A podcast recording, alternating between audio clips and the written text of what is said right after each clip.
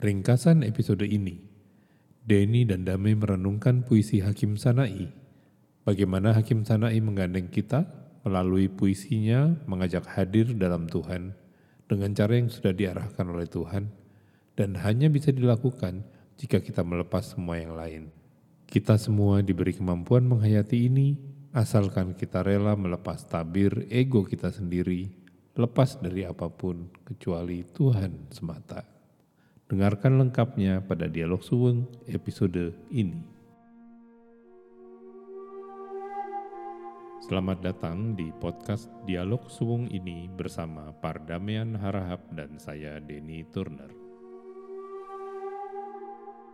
Kami berdua adalah sahabat spiritual yang berjalan bersama sejak tahun 2005. Suwung bermakna kosong, sadar berketuhanan sering dimaknai dengan kata makrifat. Dialog spontan kami lakukan di tiap sesi dengan tema pokok puisi sakral berbagai tradisi.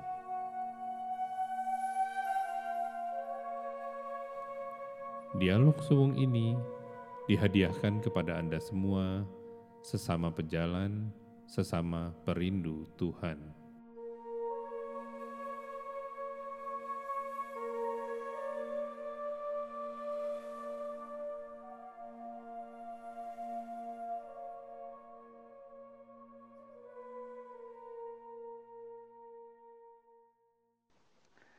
Assalamualaikum Bang Dame.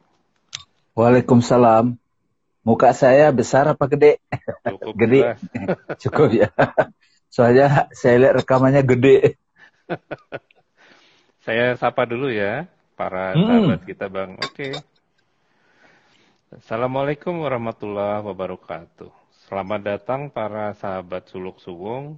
Selamat datang di dialog Suwung ketiga kita di Instagram Live bersama Bang Pardamian Harahap atau Bang Dame dan saya Denny Turner. Sedikit refreshing saja kenapa namanya suluk suwung. Suluk itu secara harafiah adalah menempuh jalan. Dalam kaitan dengan Islam dan tasawuf, kata suluk itu berarti menempuh jalan spiritual untuk menuju Allah. Sedangkan suwung itu adalah istilah Jawa, di dalam konteks tasawuf itu mengandung makna kekosongan yang berupa kesadaran diri sejati terkait dengan ketuhanan atau sering juga disebut dengan makrifat. Sore ini, sahabat suluk subuh, kita akan merenungkan sejumput hikmah dari puisi Hakim Sanai. Puisi ini sudah diposting di Instagram Suluk Suwung sebelumnya. Dan yang menarik adalah beliau ini berasal dari kota uh, Ghazni di Afghanistan. Jadi kalau hari ini kondisi Afghanistan itu sedang dalam kondisi yang mengkhawatirkan, kita akan merenungkan hikmah yang telah dibawa oleh salah satu uh, ulama di sana yang lahir seribu tahun lalu dari kitab beliau yang saya terjemahkan menjadi Taman Sari Hakikat dan Syariatnya Torikoh. Yang menarik, sahabat suluk sulung, kitab ini berisikan lebih dari 10.000 larik sajak di dalam 10 bab. Nah, untuk hari ini kita akan merenungkan, saya dan Bang Dami akan merenungkan uh, tentang la ilaha illallah atau tiada ilah kecuali Allah. Jadi akan saya mulai saja. Saya akan mulai dulu dari bait pertama, nanti kita akan langsung diskusi dengan Bang Dame. Dan ini bait pertama ini menarik sekali. Beliau menyebut begini, Wahai pencari tiram mutiara kecuali, tanggalkan pakaian, hidup di pesisir tiada. Beliau menggunakan permainan kata, mutiara kecuali itu adalah ila, sedangkan tiada adalah la. Ini adalah merujuk kepada la ilaha illallah. Nah, jadi mungkin kita mulai dari sini dulu. Silahkan Bang Rame, sapa-sapa kita renungkan. Ya. Makasih sahabatku, Mas Denny, teman-teman sekalian. Bismillahirrahmanirrahim. Dengan nama Allah yang Maha Pengasih dan Maha Penyayang. Assalamualaikum warahmatullahi wabarakatuh. Mas Denny dan sahabat-sahabat yang hadir. Alhamdulillah kita bersyukur kita bisa bertemu sore ini dalam rangka bersama-sama kontemplasi. Mudah-mudahan pertemuan ini membawa kehadiran. Kita tidak hanya paham secara intelektual dalam dialog ini, tapi juga kita bisa menyaksikan kebenaran itu nyata. Nyata dalam pengertian bukan fisik, tapi nyata yang membuat kita itu jadi jelas, clear gitu. Jadi dialog ini kalau di Al-Quran itu Mas Denny seperti watawaso bil haq, watawaso bis sober gitu. Di wal asri gitu ya, demi waktu asar manusia merugi itu. Nah, kecuali mereka yang beriman dan juga beramal soleh, bertindak sesuai dengan kesadaran ilahi, lalu mereka nasihat menasihati dalam kebenaran. Itu pertemuan ini. Dan juga kalau ada yang belum paham, nasihat menasihati dalam kesabaran. Nah, saya melihat ini Mas Denny, kalau dari kalimat la ilaha illallah ini, selama ini kan dipahami sebagai pernyataan verbal. Pernyataan verbal gitu. Tapi jarang dua kalimat lagi. La ashadu an la ilaha illallah wa ashadu anna muhammad rasulullah. Begitu disingkat, biasanya jadi la ilaha illallah gitu ya. Begitu disingkat lagi, jadi Allah gitu begitu disingkat lagi jadi hu bisa Allahu gitu ya. Tapi bisa itu dari si hu-nya itu dia gitu. Hu itu dia mas. Jadi hu bahkan kalau kita menyatakan verbalistik hu gitu ya. Ini verbal nih mas itu sudah membuat kita uh, pelan-pelan mengalami satu ketiadaan. Ya gitu teman-teman. Jadi ketika mengungkapkan secara verbal hu aja dari kata Allah hu gitu. Dan memang hu itu artinya ya dia gitu, tapi bukan dia yang si or he gitu dalam bahasa Inggris gitu. Tapi dia itu kalau di Vedanta itu itu gitu. Itu gitu. Nah, itu kan satu ekspresi sebuah keberadaan, keberadaan yang tidak bisa didescribe. Nah, jadi teman-teman waktu kita hu itu pun sudah membuat kita hilang gitu. Nah, tapi juga ada yang lebih dari alif lam lam ha itu lebih melihat alifnya Mas Denny. Hmm. Jadi itu nggak bisa dibahasa Indonesia kan itu. Jadi kalau Allah, jadi ada benarnya satu sisi kalau Allah nggak bisa diterjemahin Tuhan. Nggak bisa juga diterjemahin uh, God gitu. Ya memang Allah gitu. Karena huruf Allah itu sendiri sudah mewakili ekspresi dari kebenaran di baliknya gitu.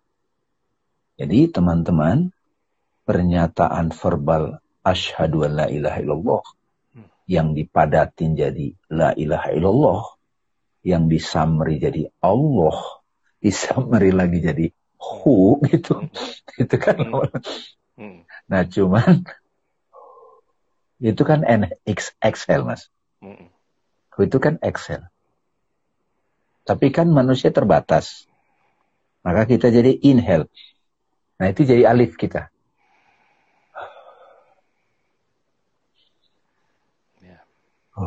Nah, itu terjadi pada kita saat kita sakaratul maut. Ya Mas Denny pasti tahu tuh kalau udah menjelang-menjelang near death experience itu ada satu situasi di mana kita oh, itu sebenarnya yang bernapas siapa sih? Yang bernapas itu adalah la ilaha illallah. Tidak ada lagi apa pun. Karena ilah itu kan ekspresi dari deskripsi tentang Tuhan. Jadi kata ilah teman-teman itu Tuhan diterjemahkan ke bahasa Indonesia adalah deskripsi tentang Tuhan yang diobjektifkan, Mas. Makanya tidak semua orang sadar pada Allah. Manusia itu umumnya kayak kita di cermin, Mas, depan cermin. Saya tidak bisa melihat diri saya. Saya dibantu oleh sesuatu yang di luar diri saya, tapi refleksi saya. Tapi itu bukan diriku yang asli kan? Ini simpelnya gitu teman-teman yang mendengar ini. Jadi kalau kita di ruangan ada cermin, kan kita oh itu aku, bukan sebetulnya, bukan gitu, lah gitu.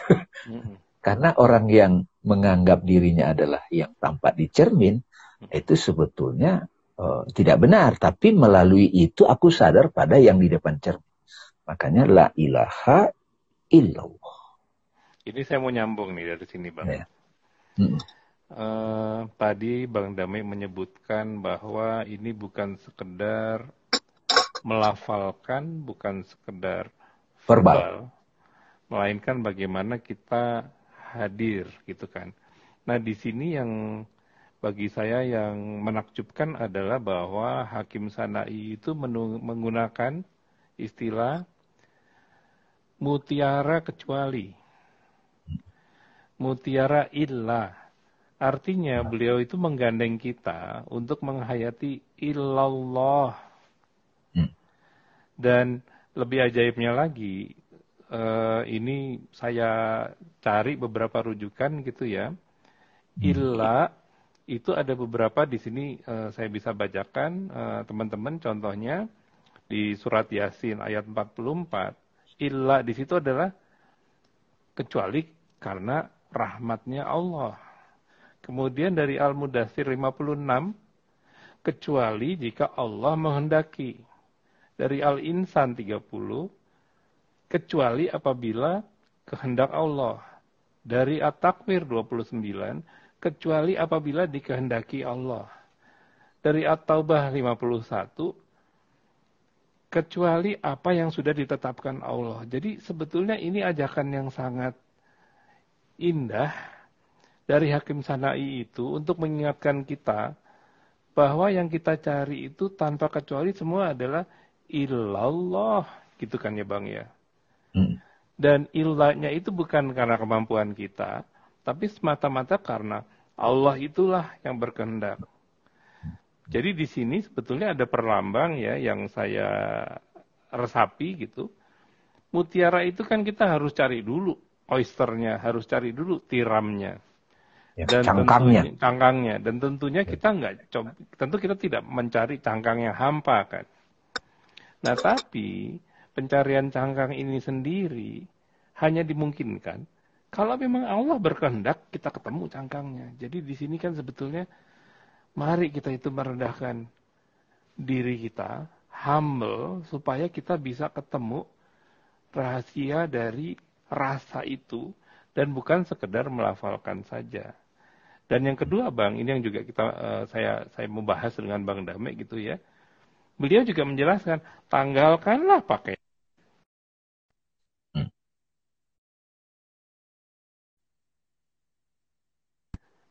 hidup di pesisir tiada. Jadi untuk mulai dapat ilahnya itu kita harus la dulu yang tadi Bang Dama bilang. Bukan itu, bukan itu, bukan itu, bukan itu. Jadi artinya di sini kan sebetulnya ajakan dari beliau untuk bisa, ayo, yuk, yuk, yuk. Kau mau kan? Betul-betul hadir di dalam Allah itu, ayo. Hanya dengan cara-cara yang memang sudah diarahkan oleh beliau loh. Dan hanya kalau kamu bisa ngelepasin semua yang lain. Nah ini nih Bang, kadang-kadang kan uh, dilema kita ya dalam kehidupan sehari-hari ini justru untuk copot-copotnya ini loh. Itu gimana tuh? Iya, jadi kan Nabi Muhammad sebagai nabi besar khususnya dalam Islam ataupun dijadikan satu per, apa ya um, insan kamil itu sudah memberikan satu doktrin rumusan doktrin ini bukan pengertian yang selama kita dengar ya wah udah didoktrin tuh orang bukan gitu tapi doktrin itu kayak api itu panas gitu. Itu emang doktrin, emang apa panas gitu. Bukan bukan diciptakan deskripsi tentang api adalah panas. Tapi memang ditemukan pengertian api panas itu menjadi satu doktrin. Jadi doktrin itu the truth itself. Tapi di benak kita, Mas. Nah, karena itu, itu sebabnya pernyataan syahadat itu yang di, di apa ya, disampaikan oleh Hakim Sanai dalam bentuk cerita apa kerang apa ya, oh, tiram gitu ya. Rumi juga menggunakan itu. Rumi juga menggunakan itu menemukan zat itu, hakikat itu seperti menyelam ke dasar laut menemukan mutiara, Mas Dini. Jadi kalau di pantai kita nggak menemukan tiram yang ada mutiaranya, itu cangkangnya aja kan. Tetapi mutiara itu tersimpan di di cangkang itu dan di dasar laut biasanya yang bagus-bagus. Nah, kembali ke itu, karena itu teman-teman perjalanan suluk untuk sampai ataupun realize atau remembering, jadi ingat kembali, sadar kembali, discovering, itu memang kita mesti menyadari yang palsu-palsu. Melalui apa? Ya kontemplasi, mas. Jadi makanya syahadat itu sebetulnya verbal nggak apa-apa tahap awal, tapi itu penghayatan seumur hidup. Saya sendiri tadi pagi aja mas, tadi pagi itu tapi saya belum sempat nulis. Saya tiba-tiba aja dapat apa ya, saya suka nyebut si ilham gitu, nggak apa-apa. Uh, menyaksikan kedahsyatan asyhadu alla ilaha illallah dan asyhadu anna muhammadar rasulullah. Ini sebenarnya bisa sesi sendiri nih mas. Hmm. Muhammad Rasulullahnya itu apa uraian? Ya. Nah kalau ashadu la ilaha illallah itu, itu kan atau yang diringkas la la ilaha illallah itu satu ekspresi kita mesti sampai pada satu titik hilang, tidak ada. Nah di saat ketiadaan itulah hadir Allah gitu. Baru kita hadir itu dalam pengertian realize. Hmm. Realize. I am gitu. Jadi itu sebabnya itu kalimat la ilaha illallah juga dikaitkan dengan ekspresi Nabi. Barang siapa melafazkan la ilaha illallah saat sakaratul maut, jannah gitu. Kenapa? Karena pada waktu kita sakaratul maut, kalau kita masih memikirkan ilah-ilah selain Allah, itu menakutkan mas. Hmm. Menakutkan. Masih mikir anak, mikir istri, mikir suami, mikir duit. Aduh gimana nih kalau aku mati? Itu kan menakutkan mas. Hmm. Hmm. Iya nggak mas Dini? ini ini saya mau nyambung nih ada dua hal gitu ya. Uh, yang pertama saya jadi teringat pada saat tadi Bang Dame bicara tentang Rumi, saya yakin para sahabat suluk subung itu tahu Rumi. Yang menarik adalah Rumi ini pernah menyebutkan bahwa kalau dalam bahasa Inggris ya, Attar is the soul and. Sana'i yeah. it's two eyes. Yes. Jadi bagi Rumi, Fariduddin Attar itu adalah soulnya dia dan Hakim Sana'i adalah dua matanya beliau gitu. Yeah. Dan yeah. dia bilang, saya hadir sesudah Sana'i dan Attar. Jadi hmm. ini menarik. Eh, hari ini kami mengangkat tema ini supaya juga paling tidak kita sama-sama bisa lebih terekspos lagi dengan Hakim Sanai. Dan yang kedua yang saya mau nyambung, itu juga saya bisa langsung lanjutin ke bait keduanya Bang. Tadi kan hmm. Bang Dame bicara Allah hadir, gitu ya. Hmm. Nah di hmm. sini itu Hakim Sanai menuliskan begini, Allah hadir hanya kepada dia yang telah binasa. Ya. Ketiadaan ya. adalah prasyarat mutlak perjalanan ini. Jadi ya la yang lain-lain itu dan yang lebih ya. dalam lagi nih yang bagi saya itu sampai merinding gitu ya beliau juga nulis begini sampai dalam binasamu kau tanggalkan kupiahmu kau ya. akan pikiran simbol pi simbol pikiran ya kopiah simbol pikiran wajahmu ke jalan hidup ya. abadi jadi selama kita itu masih reason however noble the reason is tetap nggak akan menghadap Klim ya. itu gitu. Iya. Jadi uh, pernyataan. Sebetulnya kan saat kita berbicara sekarang kan juga Allah hadir, teman-teman. Ini sebetulnya salah satu yang ya Mas Denny dan saya nih teman-teman itu suka bicara dari perspektif Vedanta juga gitu. Karena Vedanta itu itu direct path, langsung saat kita bertemu seorang arif itu langsung gitu. Jadi saat kita seperti ini kan sebetulnya Allah hadir. Tapi kenapa kita sering tidak merasakan dia hadir atau menyaksikan? Kalimat di kitab suci kan menyaksikan, Mas. Karena kata menyaksikan itu udah melibatkan semua panca indera. Hmm. Pendengaran, penglihatan. Hmm. Kalau rosso kan ya sometimes disebut rosso ataupun zauk gitu. Tapi kata kesaksian itu, kenapa kita tidak bisa menyaksikan, teman-teman? Itu bukan dia tidak hadir. Jadi ini tidak ada time. Tapi hmm. karena ada ini nih mas, hijab. Yeah. Hijab gitu. Ya, Misalnya nih teman-teman ya, teman-teman kan menyaksikan yang menyaksikan dialog ini, itu ada HP. Benar gak Mas Denny? Hmm. Waktu Mas Denny ngelihat HP di situ ada dua gambar, Pardamean dan Mas Denny. Betul? Hmm. Iya kan? Tapi sebetulnya apakah sebetulnya kita saksikan? Yang kita saksikan kan bukan gambar. Screen kan? Screen kan? Screen yeah. HP kan Mas. Hmm. Ya nggak tuh?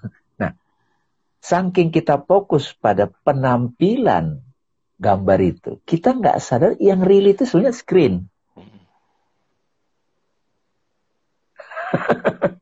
Nah ini, ya ini kan? penting nih, ini penting nih bang. Jadi itu itu artinya hijab. Exactly. Makanya makanya sedikit mas. Makanya la ilaha illallah itu adalah menyingkirkan ilusi, menyingkirkan hijab sebetulnya. Ya. Nah, saya mau nyambung ini nih. Uh, yang sering sering membuat saya itu terhijab adalah karena membedakan subjek objek. Saya merasa saya subjeknya, selain saya itu adalah objek. Termasuk menghadapi kehadiran Tuhan itu juga dengan perspektif itu. Ya. Padahal kenyataannya satu-satunya subjek adalah Tuhan. Ya. Nggak ada selain itu gitu kan. Dan ini yang uh, beliau itu Hakim Sanai bilang sampai dalam binasamu kau tanggalkan kupiahmu. Baru. Baru bisa ketemu. Baru bisa. Dan, itu nggak boleh satu persen, nol sekian persen, nggak iya, boleh bersisa. Iya, absolut. Dan ini menarik ini. Dua hari ini ya saya ini kan lagi antri mau vaksin. Hmm. Habis stroke, akhirnya dapat uh, referensi dari dokter, boleh. Tahu nggak? Yang kemudian saya cari adalah KIPI itu apa aja ya? Kalau matinya itu seperti apa? Dan yang menarik, saya itu sama sekali tidak takut mati. Saya kepikiran keluarga, lah itu kan sama aja jadi maju mundur.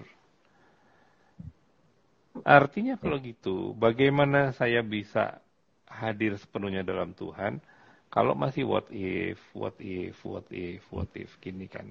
Dan ini nih sering kali samar ya kalau kita itu tidak menghayati ini. Saya hmm. pikir saya sudah tauhid. Ternyata hmm. Masih menserikatkan Tuhan. Kata la syarikalak itu ternyata enggak gitu.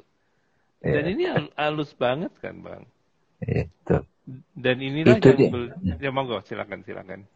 Itu sebabnya Mas Denny uh, harus di melewati satu proses hmm.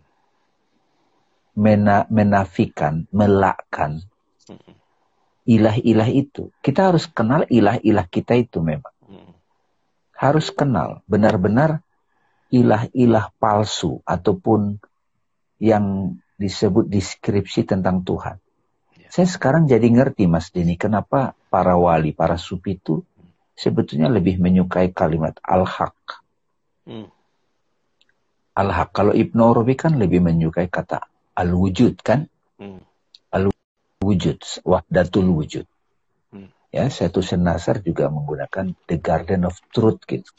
Yeah. Ya kan?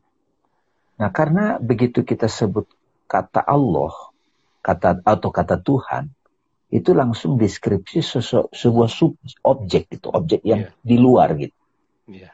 Yeah. Nah, karena itu memang lazimnya, lazim atau nor uh, umumnya perjalanan itu memang proses uh, menemukan tiram dulu, mas, menemukan hmm. itu itu dong, hmm. itu sebenarnya ini ya.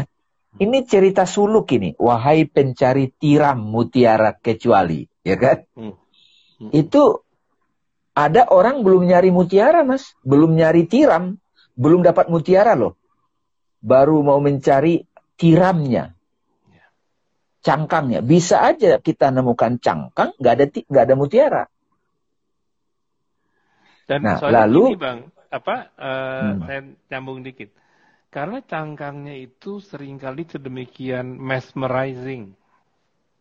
Yeah, yeah, yeah. Belum mutiaranya yeah, yeah. ya, cangkangnya contohnya. Wah, aku jadi bisa tahu rahasia semesta. Iya. Yeah. Saya jadi punya ilmu laduni kayak gitu-gitu kan. Itu kan yeah. tapi kan bukan itu gitu. Lanjut Bang, silakan Bang. Iya. Yeah. Yeah. Nah, jadi kita temu tiramnya baru mutiara, terus tanggalkan pakaian karena pakaian itu melambangkan tiramnya kan. Hmm. Hiduplah di pesisir tiada. Nah, lepaskan pakaian itu ya seperti simbol dari uh, perjalanan haji. Baru Allah hadir hanya kepada dia yang telah binasa. Nah ini teman-teman sekalian, memang ada ketakutan memang dalam perjalanan perjalanan lebur itu. Itu tahu kan Mas Denny maksudnya? Mm -hmm. Ini Saya siapa pun yang itu. mendengar ini ada 50 orang, apakah dia intelektual ataupun sudah ikut tarekat itu menakutkan. Oke kita nggak takut kita mati, tapi takut bagaimana keluargaku, gimana reputasiku dan lain-lain. Itu harus dilewatin satu tiks itu sampai betul-betul kita nadir. Nah, pada saat kita binasa itu, itu persyaratan mutlak kan? Baru sampai dalam binasamu kau tanggalkan kopiahmu, kopiah simbol pikiran. Nggak boleh lagi main tuh rasio itu di situ kau hmm. takkan harapkan wajahmu ke jalan hidup yang abadi. Hmm. Jadi sahabat-sahabat sekalian, sekali saja kita bisa ngeh dengan matinya diri kita itu sehingga sadar pada sang absolut. Sekali semomentum aja. Maka kita dengan mudah mengingatnya, Mas. Yeah. Makanya jikir terbaik itulah ilaha illallah sebetulnya. Hmm. Akar dari semua pohon ciptaan hmm. itu disebut la ilaha illallah di Al-Quran. Nah, makanya kan syarat Islam itu adalah pernyataan la ilaha illallah, syahadat. Saya mau tambahin yang keduanya, Mas. Ini menarik soalnya. Karena kalau pernyataan asyhadu la ilaha illallah itu, itu kan kita hilang, fana, fana. Mesti mengalami empty. Oke? Okay? Tapi kalau kita belum sampai ke situ, ada berita baik. Dan saksikan Muhammad utusan Allah. Jadi utusannya itu kalau yang secara individu itu Muhammad bin Abdullah kan? Jadi memang kita pakai perantara dulu seorang guru. Seorang guru. Karena belum tentu kita semua bisa mengalami la ilaha illallah. Kita harus pakai refleksinya. Muhammad Rasulullah kan Muhammad yang jadi utusan Allah. Jadi utusan Allah itu kalau dari sisi kosmologi itu bisa apa pun yang menjadi utusan ke kita. Saya ngobrol ke Mas Denny, Mas Denny di ruangannya, itu utusan saya adalah screen HP kan? Itu perantaranya secara saintifik ada Zoom, ada internet, bla bla bla gitu. Jadi utusan Allah itu maniform mas. Hmm. Maniform. Gak apa-apa nggak apa-apa kita memuja utusannya dulu. Makanya kan syarat untuk ke Allah itu ada wasilah kan? Hmm. Jadi teman-teman yang dengerin dialog suwung ini, kita tidak bisa menyaksikan individualitas Muhammad bin Abdullah kan? Nggak, memang itu dilarang. Bukan itu. Karena memang Muhammad Rasulullah itu yang dimaksud bukan itu. Kalaupun kita pergi ke Madinah, ke Masjid Nabawi itu untuk membantu kita yang awam ini ada sosok manusia yang menampilkan wajah Tuhan begitu sempurna dalam berbagai aspek. Hmm. Menikahnya bagaimana, perangnya bagaimana, makannya bagaimana, dagangnya. Itu kan ditampilkan ada satu sosok individu. Kalau di Vedanta kan disebut avatar, Mas. Inkarnasi langsung. Inkarnasi bukan cuma bentuk manusia loh, Mas. Hmm. Bisa hewan kan? Krishna, Dewa Wisnu itu menampil juga dalam form ikan. Nah, jadi teman-teman ini ini mesti mulai disampaikan nih ke banyak orang. Karena kalau kita menganggap Muhammad Rasulullah itu hanya individunya, itu justru bertentangan dengan teksnya, Mas. Kan kita nggak bisa lihat Muhammad individunya, Mas. Misalnya nih Mas Denny, apakah aku yang esensial Mas Denny itu tubuhnya? Bukan. Bukan. Hmm. Saya kangen sama Mas Denny bukan tubuhnya gitu. Perbincangan ini, Mas. Kan kita kan kangen pada seseorang itu ada ada kualitas dalam diri dia yang yang memang membuat kita sadar pada Tuhan. Itu yang abadi, Mas. Iya. Itu yang abadi. Tadi pada saat Bang Demi bilang Allah itu hadir bagi yang sudah binasa. Ini selanjutnya Hakim Sanai memberikan sebuah kesaksian saya rasa ini di bait berikutnya ini. Saat kau menjadi suwung, kau akan berlari menuju Tuhan. Jalan kefakiran menuju padanya. Ini ini ini dahsyat sekali ya. Begitu saya sudah lepaskan semua kecuali Allah. Tidak lagi saya sekedar berjalan, saya ini seperti anak kecil yang lari mendekati. Ya. Karena udah nggak punya apa-apa lagi. Udah fakir nih. Dan pengertian fakir di sini betul-betul lepas dari segala sesuatunya gitu ya Bang ya. Dan ini tadi di dalam syahadat itu kalau kita masih perlu bimbingan dari pengertian Muhammad Rasulullah itu itu kan sebetulnya esensi dari Muhammadnya. Yes. Yes sengaja Muhammad itu tidak pernah ditampilkan dalam bentuk gambar segala supaya kita itu menghayati esensinya justru. Yes, yes, mas. Bukan yes. bukan fisiknya gitu kan. Iya. Bukan nah, historis. Bukan historinya. Bagaimana beliau dengan segala totalitas of his being itu senantiasa berlari menuju ke Tuhan. Bahkan Betul Mas Denny. Fakir. Silakan Bang, silakan. Bahkan teman-teman ya, makna berlari ini kan satu ungkapan yang familiar pada orang. Itu sekejap. Sekejap gitu. Jadi sweet gitu loh. Kayak sweet kesadaran mas. Ya. ya. Dan ini ini ya saya maknai juga nih ada dua bang. On one hand kita ini berupaya. Yes. On the other hand ini diangkat langsung. Yes. Upaya tung diangkat. Yes. Upaya yes. diangkat. Jadi gayung bersambut. Yes. Nah, itu penggambarannya yang mudah dipahami teman-teman adalah kayak kita dengan refleksi lagi di cermin. Pada waktu kita mendekati cermin, refleksi itu kan kayak mendekati. Itu dia yang mendekati apa kita yang mendekati gitu. Hmm. kan? Dari sudut pandang Menines, seolah-olah kita itu berupaya. Ya. Makanya Rumi menggunakan satu bahasa bagus, Mas. Perjalanan ini kan kita udah mulai ber, membahas berlari menuju Tuhan ya. ya. Itu Rumi kasih bahasanya gini, Mas. Karena kerinduan sumur pada orang itu, orang itu dibuat kehausan, Mas. Hmm. Di padang pasir. Jadi kalau yang tampak kan orang kehausan itu kan nyari sumur. Hmm. Ya kan nyari sumur kan. Wah di mana nih sumur kehausan gitu. Hmm. Tapi sebetulnya karena kerinduan sumur, sumur itu sumber.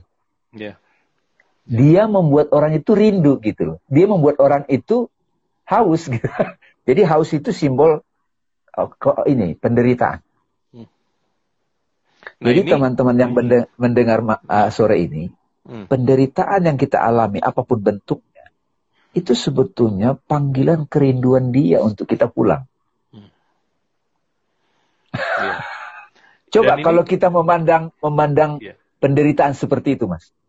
Ini dahsyat ya, Bang, karena gini. Hmm. Kalau ini saya sambungkan bahwa ini adalah kerinduan sumur. Ini kan sebetulnya kerinduan akan Tuhan terhadap semua ciptaannya. Artinya adalah ini ajakan untuk awakening bagi kita semua. Yeah. Dan di bait terakhirnya di sini ini digambarkan dengan sangat indah. Awakening ini sebagai berikut.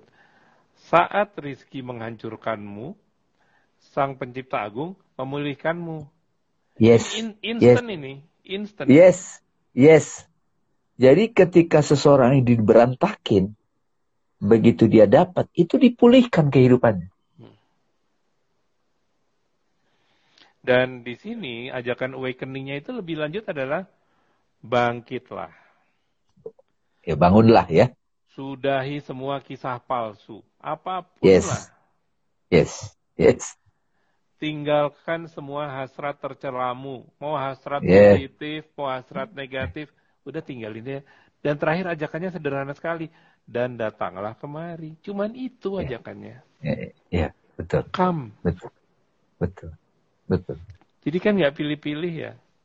Iya, betul. Betul, Mas. Mas Den. Jadi eh, sahabat-sahabat yang mendengar ini, sini ada 58 orang.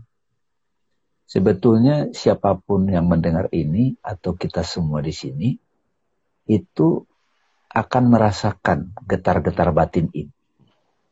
Seperti tadi dikatakan, karena kerinduan sumur pada orang itu, maka orang itu dibuat haus. Sumur itu adalah sumber air yang menghilangkan haus. Yang menghilangkan haus itu kan Allah.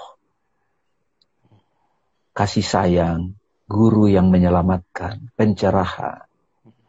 Maka kita dibuat bingung gitu kita dibuat kayak hampir-hampir jeritannya itu pingin bunuh diri sebetulnya. Pingin, aduh udah deh sudah hidupku gitu. Tapi di titik ini teman-teman, ini nih pertemuan hari ini. Itu karena dia rindu pada kita. Dia rindu pada kita. Pandemik ini sebetulnya kalau kita bisa melihat dari perspektif dia suwung ini, itu membuat kita jadi sadar gitu. Ini ajakan untuk bangkit, bangun. Sudahi semua kisah palsu. Yang saya suka nyebut itu drama Mas Dini. Hmm. Udahlah, udah sudahilah drama gitu kan. Hmm. Terus tinggalkan semua hasrat-hasrat. Jadi saya nggak punya keinginan. Nah, nanti itu bukan lagi keinginanmu kecil. Iya. Kehendaknya mengalir melalui kamu. Hmm. Bahkan itu yang dialami Muhammad. Muhammad SAW hakim sanai, Rumi atau siapa pun wali Allah atau siapa pun apa pun agamanya, dia menjadi image of God, wakilnya, utusan. Nah, kalau dia utusan, tanda petik, dia akan menjadi cahaya Mas Dini. Hmm. Dan cahaya nggak bisa ditutupin. Hmm. Dan saat yang sama, iya. cahaya kan simbol pengetahuan. Saat yang sama itu adalah kasih sayang. Kehadirannya membawa kedamaian. Saya selalu ini ingatkan ini. Hmm, silakan. Ada ada pertanyaan dari salah satu sahabat ya. Ini apakah ini sama dengan makna manunggaling kawulo gusti? Pertanyaannya gitu. Nah ini kalau saya boleh merespon, ini bahkan menembus itu. Udah nggak penting lagi manunggal atau tidak. Yang ada cuman gustinya aja. Manunggal itu hanya proses aja kok. Tapi beyond itu, yang haus dapat minum. Gitu ya. Semua kesusahan itu hilang. Dan uh, pemahaman ini memang agak susah ya teman-teman. Bahwa yang hadir itu hanya Tuhan. Kita semua ini pun bagian dari itu sebetulnya. Ini yang saya maksud tadi di depan, bahwa yang paling memang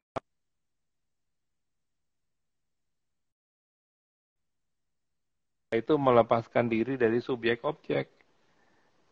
Kalau kita berpacaran itu kan masih ada dua gitu ya. Ini enggak, ini betul-betul udah deh, udah lepasin aja semua, lepasin. Datanglah ke sini, Tuhan bilang gitu. Udah itu aja, nggak penting lagi kawulonya. Nah ini yang ini yang sebetulnya sore ini saya dan Bang Damai itu di dalam renungan kami berdua ini berharap mudah-mudahan apa ya?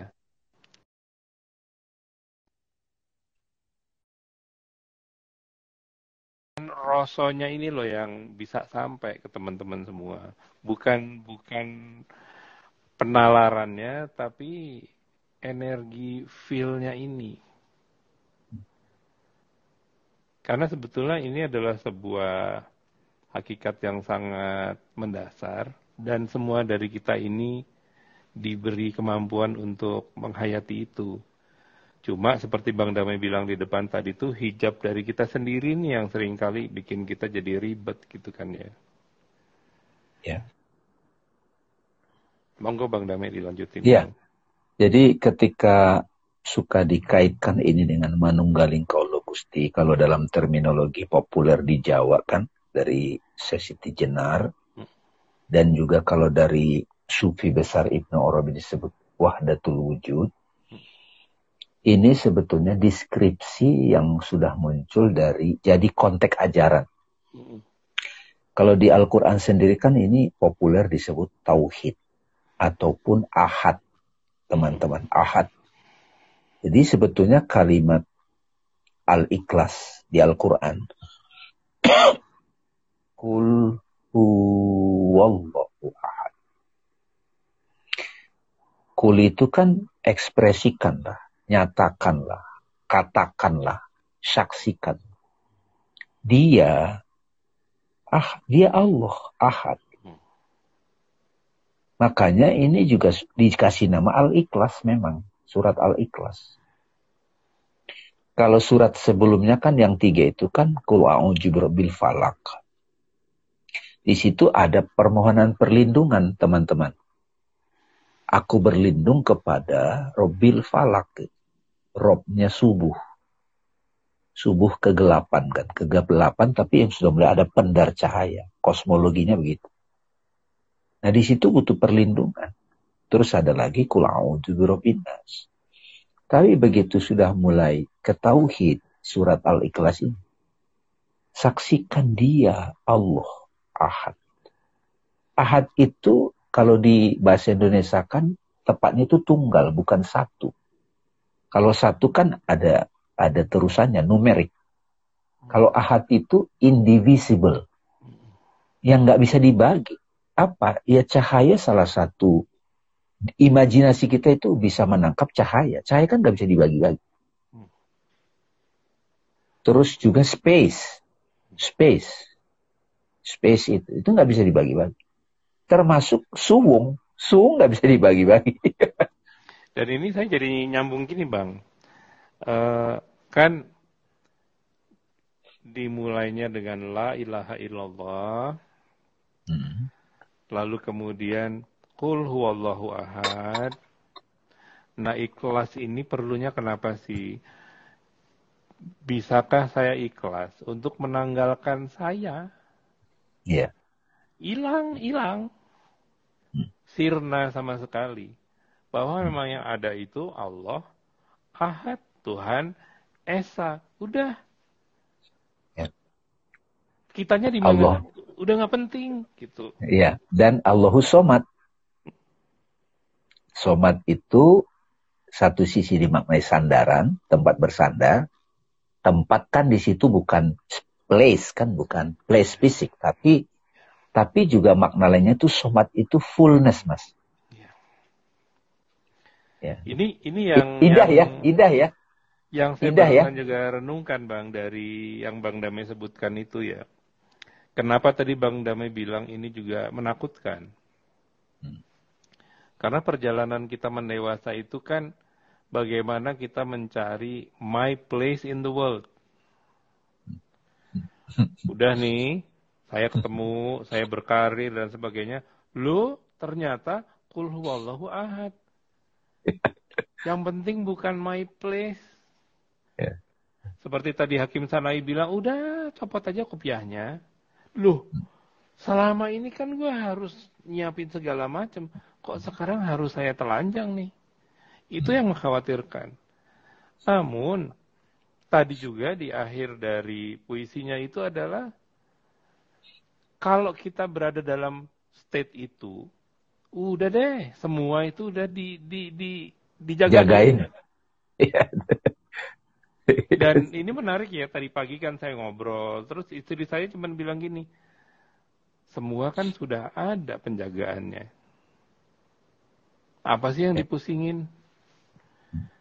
Nah, sering kali kita memang butuh mitra yang Yes. bisa apa ya? Eh, Watawasobil hak, watawasobil sobar. iya. Jadi seperti dialog ini juga teman-teman sekalian, itu juga bagian dari mitra atau sahabat dalam dialog gitu. Kita gunakan aja teknologi ini sehingga kita hmm, kayak saya tadi pagi ada teman kontak saya Mas dari dari New York gitu. Hmm. Dia ngontak tiba-tiba dan ya udah mulai terbiasa kan. Bahkan dia ngontak ada keberanian ngontak pun itu bagian dari gerak yang ya yang dipertemukan, ditakdirkan gitu. Diskusi dan seterusnya. Nggak pernah ketemu fisik. Gitu. Jadi teman-teman, siapa pun yang hadir di sini ini adalah tempat kita watawasobil hak, watawasobil sobar gitu. Kalau ada nanti yang lebih so close, sahabat kita di sekitar kita, hmm, bisa jadi ibu dan anak, ayah dan anak, pasangan suami istri, itu semua pasangan namanya. hmm, Dan bila ada begitu, terbuka sama-sama uh, ada humility, ada keterbukaan, ada kejujuran, ketulisan, itu sama-sama bertumbuh teman-teman. Maka muncullah hikmah-hikmah yang tidak hanya di, diketahui melalui pemahaman mental, hmm, tapi oh, oh, oh, gitu. hmm. Ini Betul. terus terus terang eh, kami berdua ini ingin berbagi kepada para sahabat di sini wisdom-wisdom dari para ulama pendahulu yang mana mereka itu menyampaikan mutiara hikmahnya itu melalui puisi. Karena puisi ini bisa membuka hijab-hijab, tabir-tabir yang ketutup sama nalar gitu. Mas Denny ini ada pertanyaan. Silakan, silakan. Kehe- kehendaknya nyak besar mengalir melalui kamu. Mengetahuinya gimana ya? Gitu.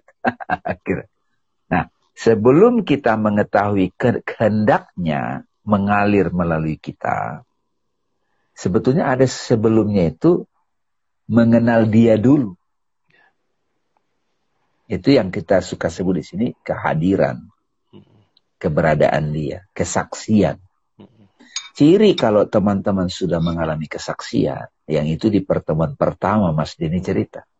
Saya sturuk dua kali, sturuk loh teman-teman. Zaman pandemik loh. Mm-mm. Tapi di batin itu tenang gitu. Kok bisa gitu? Nah itu kan satu state. Satu apa ya gelombang batin yang oh kok masuk ke situ. Mm. Karena itu Mas Denny sekarang sering-sering remembering ke situ. Mm. Itu yang saya juga bilang sama Mas Denny dan saya juga mengalami setidaknya begitu. Itu yang disebut alastu birabbikum. Mm. Waktu kita di perut ibu sebetulnya kita punya rekaman itu. Mm. Alastu birabbikum qalu bala syahidna. Itu menjadi selalu pengantar dialog sungin. Bukankah aku ini Tuhanmu? Ah, gitu kan Mas Denny. Kan lagi Mas Denny sakit itu kan Tuhan ngomong tuh. Hei Den, bukankah aku ini Tuhanmu? Kamu nggak bisa apa-apa kan? Gitu. gitu. Kira-kira. Benar. Iya kan? Oh iya iya, engkau Tuhanku. Iya ya, kami lakukan yang demikian biar kamu juga nggak protes-protes lagi ya besok ya. Aku selalu berada kok bersamamu. Dan kita udah dikasih rekaman itu. Mm. Makanya Plato pun mengatakan, nggak ada pengetahuan baru, yang ada recollection. mengingat kembali. Bahkan di Islam pun intisari dari semua ibadah adalah zikrullah. Mengingat mengingat dia. Nah, gitu teman-teman. Jadi, nah gimana cara mengenalinya? Hmm. Nah, tadi sudah dikasih tahu. Ketika kehendaknya mengalir, itu clear mendamaikan, menyelamatkan. Nah kalau kita ada moto, aduh gimana ya, ah, itu masih pikiran tuh. Tanggalkan kopiahmu kan gitu. Kopiah. Mm. Ini sahabat saya ini Mas Denny terbiasa tuh. Kalau di logic ini luar biasa. ini ini saya mau nyambung dikit ya untuk merespon ini. Gitu. Ini tinggal lima menit lagi Mas ini. Iya, oke. Okay. Kehendaknya mengalir melalui kamu, mengetahuinya gimana. Saran saya, bukan itu yang dicari. Seperti Bang Damai tadi bilang, fokus aja, disiplin, la ilaha illallah, itu aja terus. Tanggalkan semuanya kecuali Tuhan. Kalau itu sudah, nanti akan kerasa. Kalau yang ini belum, ini nggak bakal kerasa-kerasa gitu. Karena kita baru bisa menghayati kehendak yang mengalir itu, manakala kita sudah menghayati bahwa hanya Allah aja, bukan yang lain-lain. Nah bagian itunya yang saya mohon dijadikan habit gitu ya. Gimana caranya? Ya susah, alhamdulillah, seneng, alhamdulillah. Semua dibawa ikhlas, kayak tadi surat al-ikhlas. Itunya kita jadikan habit, insya Allah nanti berasa. Oh ini kehendak Tuhan sebagai sebuah insight, sebagai sebuah ilham, bukan sebagai sebuah penalaran. Itu kan beautiful sekali ya. Jadi manakala kita sudah menghidupi la ilaha illallah, kita tidak lagi berpegang pada hukum sebab akibat, melainkan sinkronisiti. Semua itu sinkron aja. Ini yang Bang Damai sering kali sama saya itu kita membahas banyak banget yang sinkron ya bang ya gitu. Iya iya iya. Iya iya. Gak, gak janjian gitu ya. Iya. Nah ini saya mohon bang karena waktunya tinggal dua menit. Mungkin bang Dame bisa memberikan sedikit hikmah untuk menutup diskusi ini dan insya Allah nanti kita lanjutkan lagi di minggu depan sahabat-sahabat sekalian. Eh, teman-teman yang hadir, saya ingin berbagi di sini yang juga saya hayati kalimat tadi dari Hakim Sana'i tentang ekspresi beliau mengenai la ilaha illallah dengan uraian yang sangat manis dan beautiful itu dari kecil kita sudah dapat. Ajaran Islam yang selama ini sebagai fondasi adalah syahadat asyhadu an la ilaha illallah wa asyhadu anna muhammadar rasulullah di sana tersimpan banyak kebenaran-kebenaran yang akan kita alami pada saat kita mulai menjalani hidup ini sebagai suluk. Ya, suluk itu berarti kita sudah balik arah. Jadi kita sudah mulai komit untuk prioritas kita Allah. Pandemik ini sudah hampir dua tahun. Lepas dari siapa yang apa yang dia bilang skenario atau apa, apa. Nyatanya ini melumpuhkan kita semua. Itu tidak bisa tidak. Nah, Mudah-mudahan ini kita bisa hayati kembali sehingga saat kapan pun kita dipanggil dalam arti maut atau ajal, kita bisa mengerti apa itu ungkapan la ilaha illallah. Nggak ada apa pun kecuali Allah. Hanya dia yang nyata, hanya dialah kasih sayang sejati. Dan itu yang sahabat saya Mas Denny rasakan dengan apa niatan ini kita buat teman-teman. Semoga kita sama-sama bisa menyelam ke intisari kita semua. Itu mas. Insya Allah. Bismillah. Alhamdulillah. Alhamdulillah. Dengan demikian pertemuan untuk minggu ini kita sudahi dulu sahabat suluk suwung. Insya Allah kita ketemu lagi di pertemuan berikutnya Jumat depan. Bilahi taufik wal hidayah. Assalamualaikum warahmatullahi wabarakatuh. Waalaikumsalam. Makasih ya Mas Dedi, makasih teman-teman. Makasih teman-teman.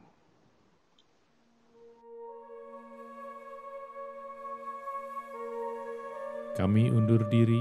Semoga dialog suung episode ini tersampaikan dengan baik dan menjadi kebaikan.